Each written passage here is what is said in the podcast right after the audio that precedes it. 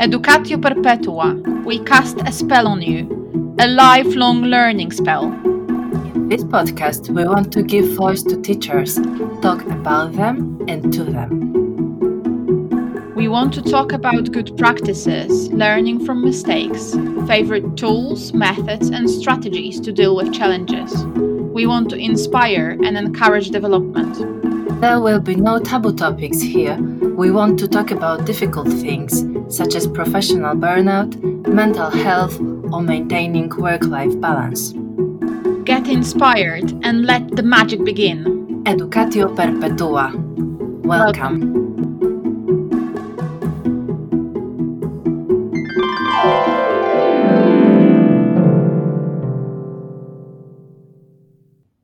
Yes, I hope so. Okay, Basia. So, uh, hello everyone. Today's uh, episode um, is based on the interview with Alex Whitaker, the PYP coordinator and assistant principal the, at the International School of Stuttgart, Germany. Alex has a background in special needs education and is a qualified teacher of the visually impaired, originally from UK. He has been the IBEN workshop leader since uh, 2013 and loves helping schools in their PYP journey. And I'm the example, but uh, I will mention this uh, later on. And the curious fact about Alex is that he's also known as Danger Boy, as you can see on the photo. He has a strong passion for circus skills and physical theater.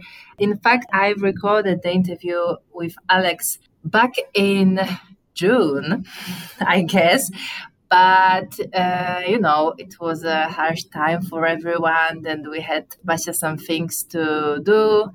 And sorry for that, but now we're catching up uh, with our work. So here we go.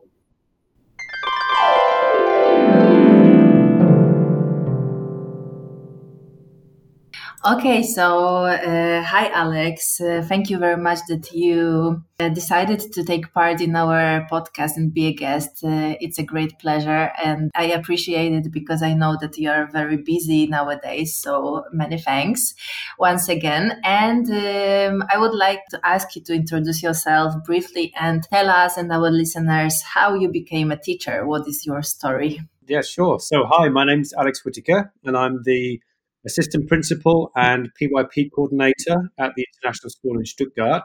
Um, I'm originally from the UK, but I've been in Germany now for 11 years.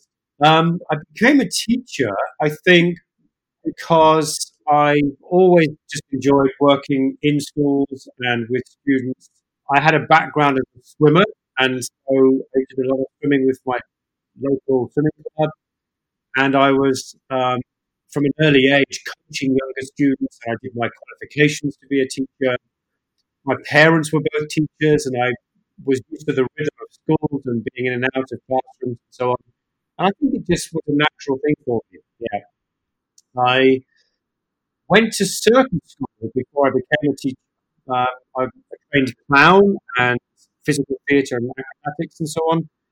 But I knew, always knew I would take that into the classroom, and it's been one of the things that have really made me enjoy being in school with children to be able to add a little mm-hmm. something different. Mm-hmm. So that's me.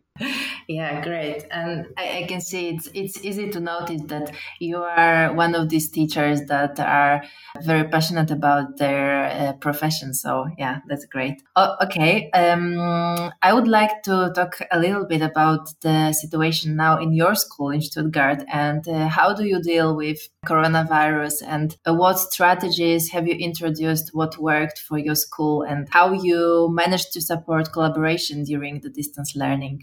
Yeah, of course. So it's been a challenge, of course, because we've had to rethink a lot of things. Um, one of the things that's really supported collaboration during distance learning has been the fact that we haven't had the same timetable. So we haven't been following the timetable in the normal way. Uh, we created a, a, distance learning timetable, um, which is more asynchronous. So um, it's not necessarily following the schedule that we had before. And what that has done is it's freed up teacher time to be able to say, well, if we need to meet to talk about something, let's all meet together. Um, so previously, if I was meeting, for example, with a group of teachers, I might be able to meet two or three teachers from a grade, but everybody else was busy teaching. But through this model, um, we've been able to have groups of 10, 15 people sometimes in the meeting to talk about what's happening in a grade level. And that's been really helpful to um, focus on the collaboration and, and what's happening and for people to feel connected with each other. So that's one of the, the most important strategies, I think. The other thing that we've really done to allow collaboration to happen, um, our planning has been very open to everybody else. We were having to share with the families, okay, what's the daily plan? What we want to, students to learn today? And these documents were open to everybody. So um, it's a one page document that's got art, music, PE, uh, English, German, mathematics, and so on. So everybody's contributing to the daily learning plan. And in that, mm-hmm. we all know what's going on and we can collaborate and say, well, let's have a focus on this area or this area um, today. But having that daily plan has brought everybody together. Yeah. Okay, and uh, what was the biggest challenge? How do you see it now from uh, from the perspective of time? Because now we all got accommodated a little bit to to this reality. And how do you see the, the biggest challenge that you met?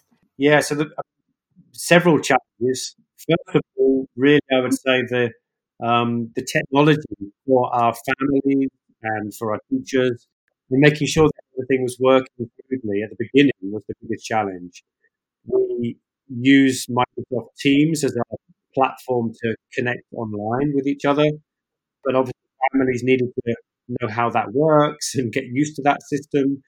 Um, many of our teachers didn't know that before we started, and for them, it was their learning um, curve that was very, very steep. Um, literally, one week they were introduced to the, the tool, then the next week they'd have to start using it with their students. So that was one of the biggest challenges. But once we overcame that, um, the next challenges were really around um, communication and feedback for learning. We were giving out lots of learning experiences and activities for students to do, but it's very hard to know how you're getting with that. Um, how's the child doing? What kind of support do they need? And that feedback was part of a big challenge for us um, as we all got used to it.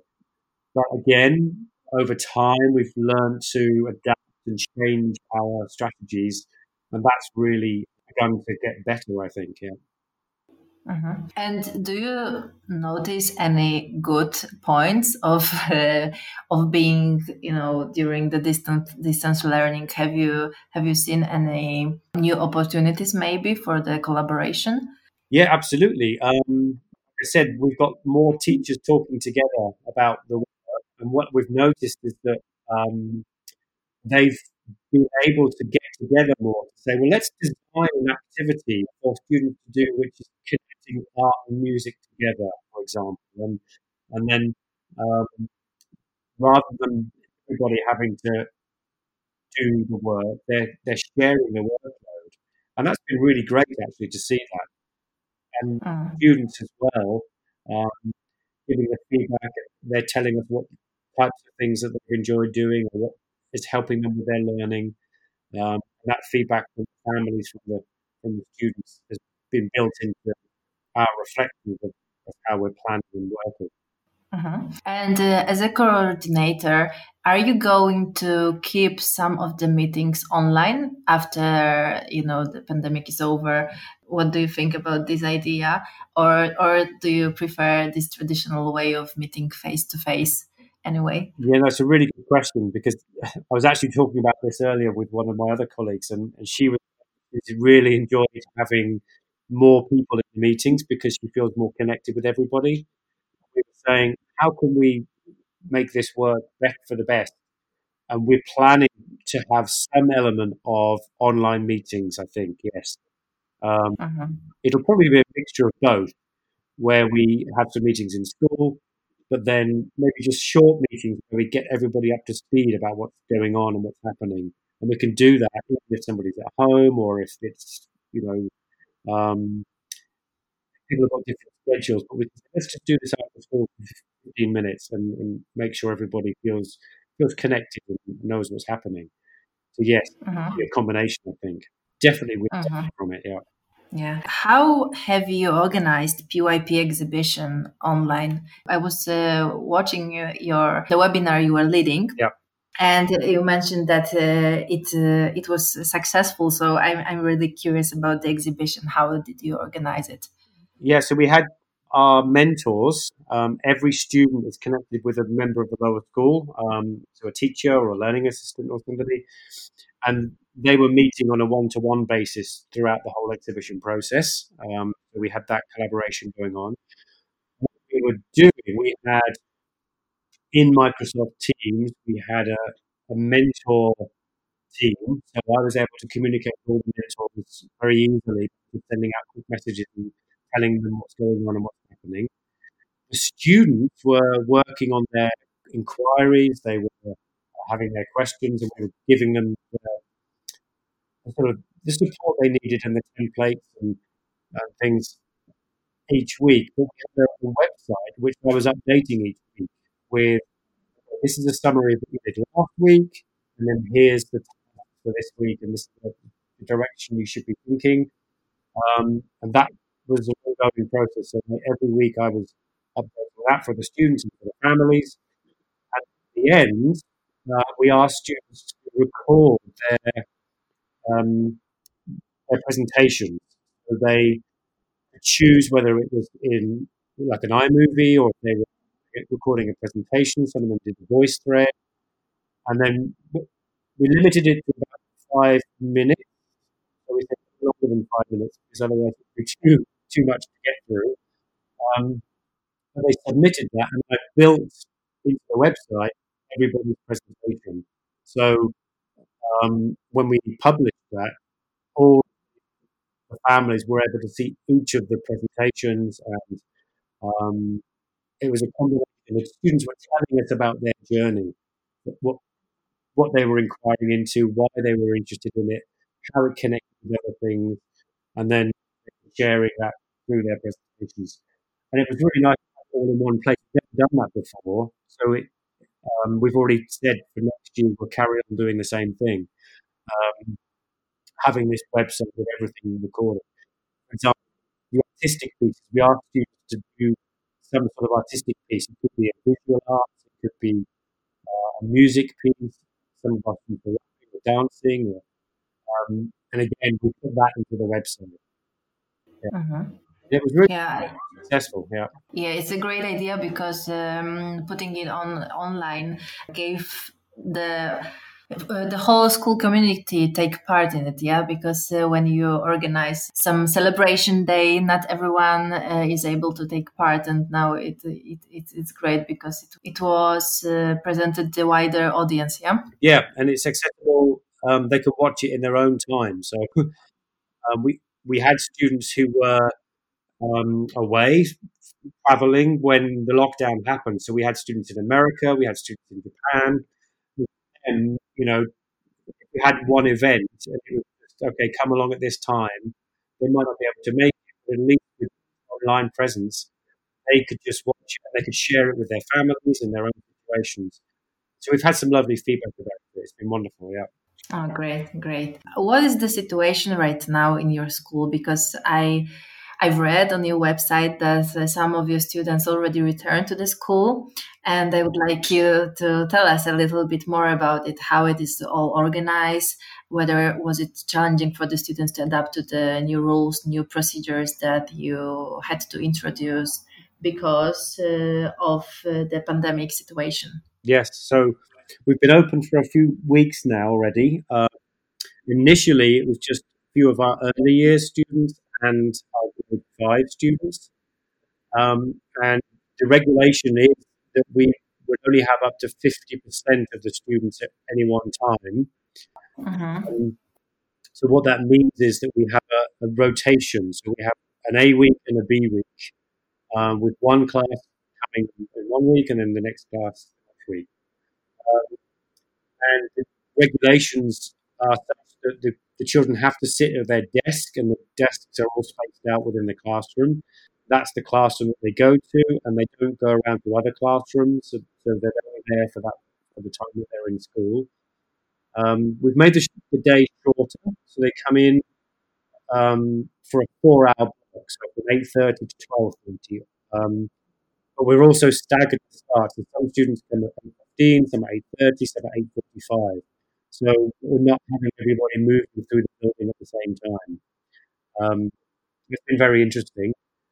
We've also um, opened up different entrances. So we've got a few grades coming in one area, with grades coming in another area. Try and minimise the um, the movement of students. They're not mixing with each other.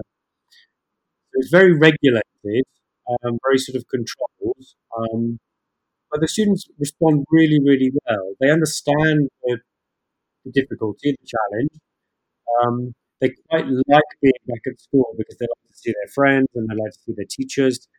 And I think that has been the most um, important aspect about it.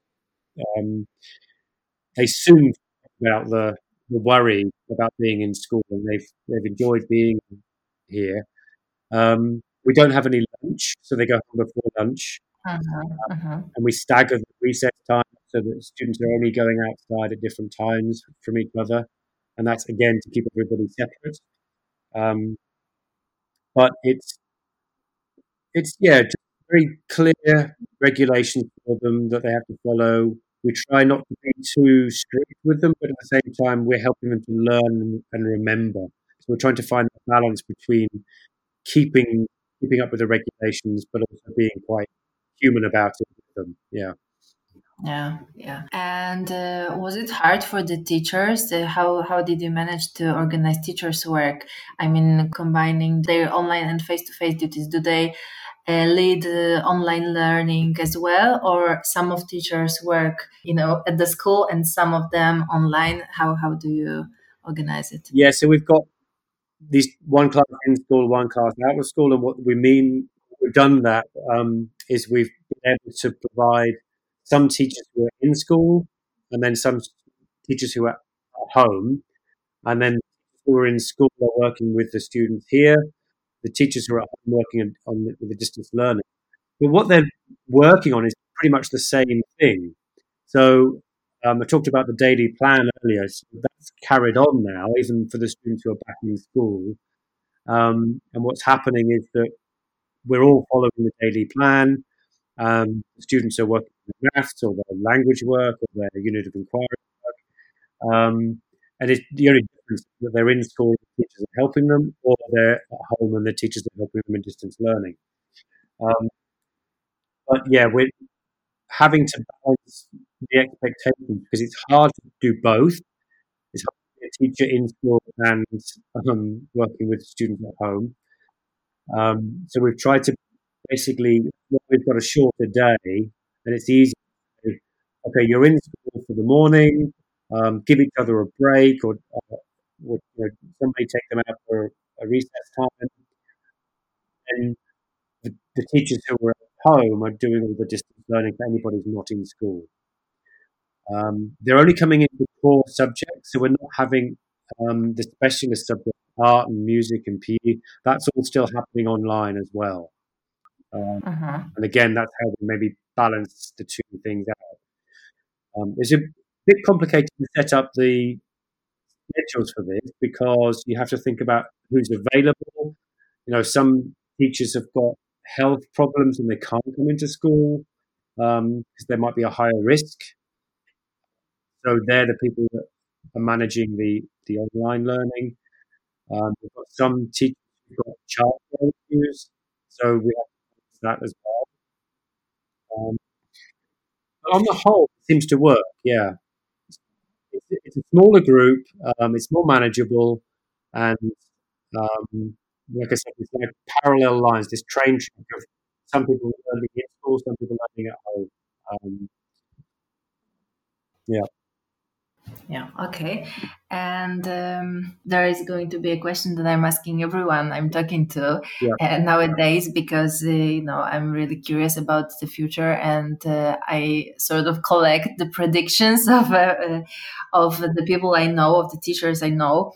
And I would like to ask you, how do you think the school reality is going to change and how are we going to understand what education is and how your school is going to change. What do you think? Yeah.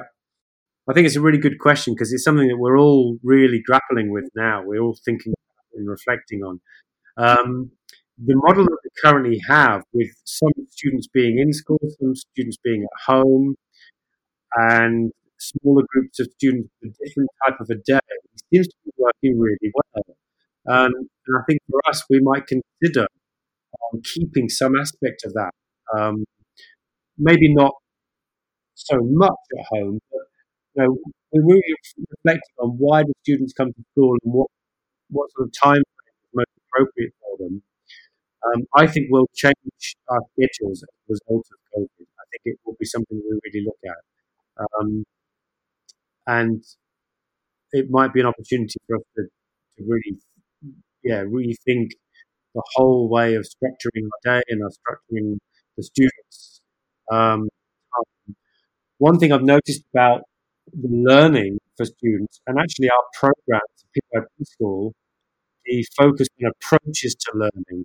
Um, you know, the self-management skills, the organization, the thinking skills, and um, communication, they've really come to the fruition. They've come to the they've been shown to be really important through this distance learning. And I think this will provide greater emphasis on those areas. Um, yes, you know, the, the, core subjects and um, the skills are important, but these approaches to learning and what we hope to be able to develop for students is going to be a real focus, I think. And I think parents do that actually because they've seen their own children and the skills that they either have or need to develop to be better learners. So I think it's going to change the focus on what we value in schools, what we think is important. Mm, I agree with you. I hope so. Yeah, and um, you recently led a global webinar organized by, by Toddle for over 1,000 participants from all over the world. Yeah. So, first of all, congratulations. And could you please share how was your experience? How did it feel? It was great. I mean, I was approached by Dipanshu from Toddle um, a few months ago. We were talking about um, the idea, and I, you know, he was sharing with me what their plan was. Um, and I was delighted to be asked to lead a session. Um, he knew from the work that I was doing in school how we value collaboration and um, th- how I've tried to focus on that with not only with my teachers but also my students and their families and so on.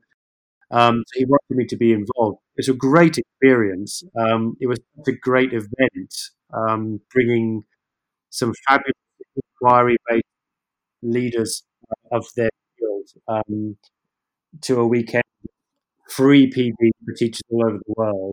Um, I was very nervous about it, but at the same time, it was a great opportunity to, um, you know, when you do these things, it allows you to really think about what what, what I want to say to a group of thousand teachers out there.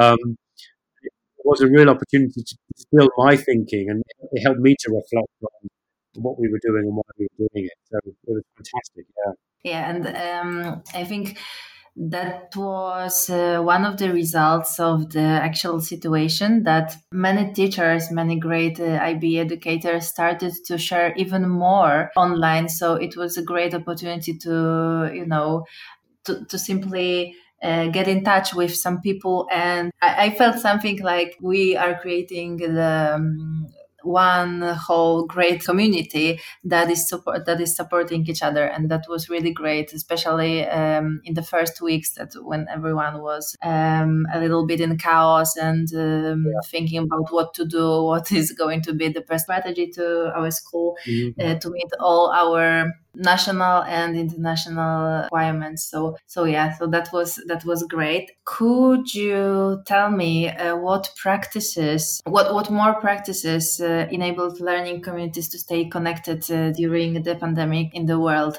And what is the advice that you would like to give to all the principals coordinators or, or other school leadership members that is now the most valuable? Yeah. It's a good question. I mean, the staying connected has been so important at this time. I think um, the strategies and practices that we've been using, I've seen in school, I've seen in other schools using as well. It's just really using the the technology I used in my my webinar um, session. The idea of um, exploiting the technology, you know, not just exploring, exploiting it, um, because there's such a great range of tools out there to be able to stay connected and to share ideas, to, you know, network with people in different ways. So I think it really is about using the technology, um, social network platforms. It's about um, having regular communication with with your community, being open and honest, um, and being available. Um, one of the key things that I try to do with my principal here is just be available as much as possible for teachers and for our families if they've had problems. And I think what we've seen over the time is that initially there was a lot of questions and lots of anxiety and, and so on. Really slow down because we've been there for people and answered their questions for them. And that I think connects to the advice um, I would give school leaders is that availability and um, being a, you know a really receptive ear to what's happening, um, both for learning communities, as in the parents, but also teachers as well, listening carefully, and also responding appropriately to whatever's being shared with them. You know, be flexible in the strategies that and and, and the, uh, the structures being put in place. Um, I, I, for example, have changed our schedule three or four times over the last few weeks, um, just because we've had to. And I didn't want to be too rigid in my thinking, but I wanted to put something out there to start with and say, let's see how this goes, and we, we can make a change as needed. So being flexible to the needs of, of, of the learning community is important. Yeah. Okay. So thank you. Thank you very much. I must add that for our listeners that I visited once uh, the school where Alex works and his tips uh, were a huge support for me because I was at the beginning of of my journey of being a PYP coordinator and everything was new and um, quite difficult to me. And Alex is a role model for me because watching his work uh, with the team, how he organized the, the meeting and how open minded he was with the teachers, I understood that and I realized that that's the type of the coordinator that I would like to be someday. So thank you again because I'm I'm really really happy that you agreed to be our guest and um, have a great weekend.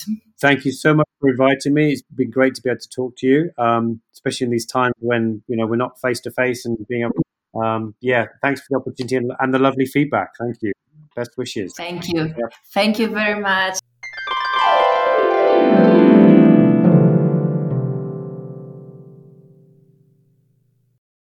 Hello. Oh, hello, Barbara. How are you doing today? Fine, thank you. It's a lovely winter Saturday here in Poland, so I'm glad to have opportunity to speak to you today. Lots of snow, though it is getting warmer finally. Yes, the, tomorrow we are planning to go skiing. So hopefully we'll have good weather and the snow will be uh, not too wet for skiing. Basia, Alex advice um, to all the teachers, to all the people that are responsible for the leadership at school was to be flexible and to be available for all the people from the school community to share ideas, uh, to network with people in different ways. And I must admit that being flexible sometimes is difficult for me because on one side i see myself as a person rather open to change and ready to take up the challenge to adapt uh, quite easily to change. But on the other hand i like making some plans. I feel good when i can stick to the plan. And uh, you know how do you feel about this? Is it easy for you I think it is even more difficult for me than for you. You are yellow. Uh, yeah, yeah. uh, sorry, it's our inside joke. Uh, but uh, for me, it is it is even more difficult to be uh, maybe not flexible, but to to change the plans if I've already made them. I'm fine with being flexible on uh, on the in the discussion stage when we are still deciding what to do when there are multiple perspectives multiple options to consider. But when we make a plan i like to stick to the plan and i'm i'm very bad at not keeping to deadlines. Uh, i feel very, very guilty when i miss the deadline so um, yeah being flexible in that that sense is quite difficult and uh, also i think that if we change our mind, uh, there needs to be boundaries within. Uh, we will exhibit that flexibility because if we change our minds every time we do something, uh, when whenever someone tells us that he needs something else, we might be changing our minds all the time and confusing people really. And uh, one approach that fits one group might not work for the other group, might not be ideal for the other group. And if we listen to everyone, we can uh, end up um, with too much flexibility and i think this is this is the risk so having that balance between being flexible and still sticking to our own plan is um, is i think something we need to strive for and also for for people like me, uh, meaning control freaks, uh, flexibility for me is having plan B, plan C, plan D, plan E, and then making them uh, work, putting them into action. I totally agree. I think that we need to be flexible, but at the same time, we need to think twice before changing something um, just not to be chaotic and to to be sure that we want to introduce this thing at, at this uh, time yeah However, yes, yes. But I also think that uh, what he said about being connected to people, sharing ideas, collaborating with others, this is a great advice. And I think this is something that is sometimes missing in our Polish schools. And teachers are trained to work in their fields, to work alone, to be the sole I don't know, master of of the knowledge that they are transmitting to the students, and uh, this is no longer true. We live in a in a very connected world, and these connections need to flourish also in the school. Yes, that's uh, extremely important to stay connected and to be available and to you know focus on the needs of, of the others to ask people how they feel what do they need etc because uh, sometimes something that seems um, in place maybe maybe not in place for for everyone. So yeah it's it's uh, really important to be to be mindful in in this area Mm-hmm. I think this is especially important for the uh, leaders of the school, right?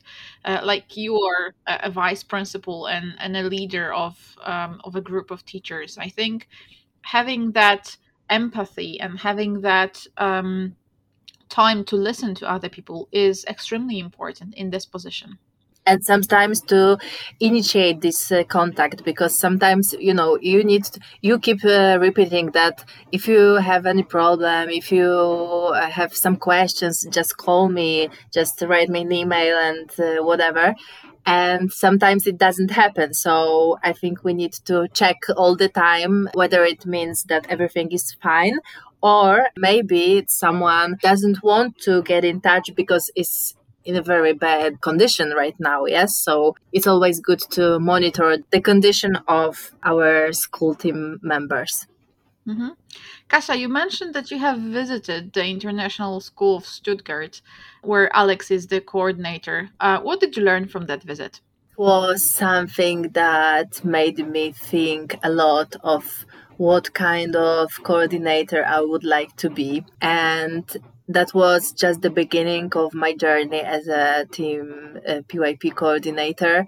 And I had lots of questions, and uh, Alex was really, really helpful. And he explained some things to me that that helped me to to have my own vision of the next year and the challenges that uh, were on my way the most important was that he showed me on on his uh, ex- example that building learning culture at school is very very challenging and takes a lot of time and energy. So that was number one because i uh, had to think how to organize things uh, here back in Poland to to give people this time and uh, to take care of of the space where they could uh, collaborate uh, on daily basis so the next thing was uh, that i need to focus on relations and try to be uh, really open and patient with, with the people because alex is is really really open minded and and and he has a good sense of humor. So that were some things that uh, showed me that it's it's really important for the coordinator to be open uh, and not to give up easily and to just take time and try another things. Yes, I, I guess that I I just realized there um, in Stuttgart that I really need to get the feedback uh, from all the school staff members and to make to make the changes uh, and to introduce some new things uh, basing on on this feedback that we receive to monitor all the time how things are going on between people and how to motivate them and how to make them want to change something and to introduce new strategies in the into their teaching. So uh, i don't know if it was clear but uh, i would like to you know stress out that it really really was the experience that helped me to start creating some ideas and strategies that i could put into practice in my school. Okay, um, I think that's it for today. Thank you very much for listening and see you next time.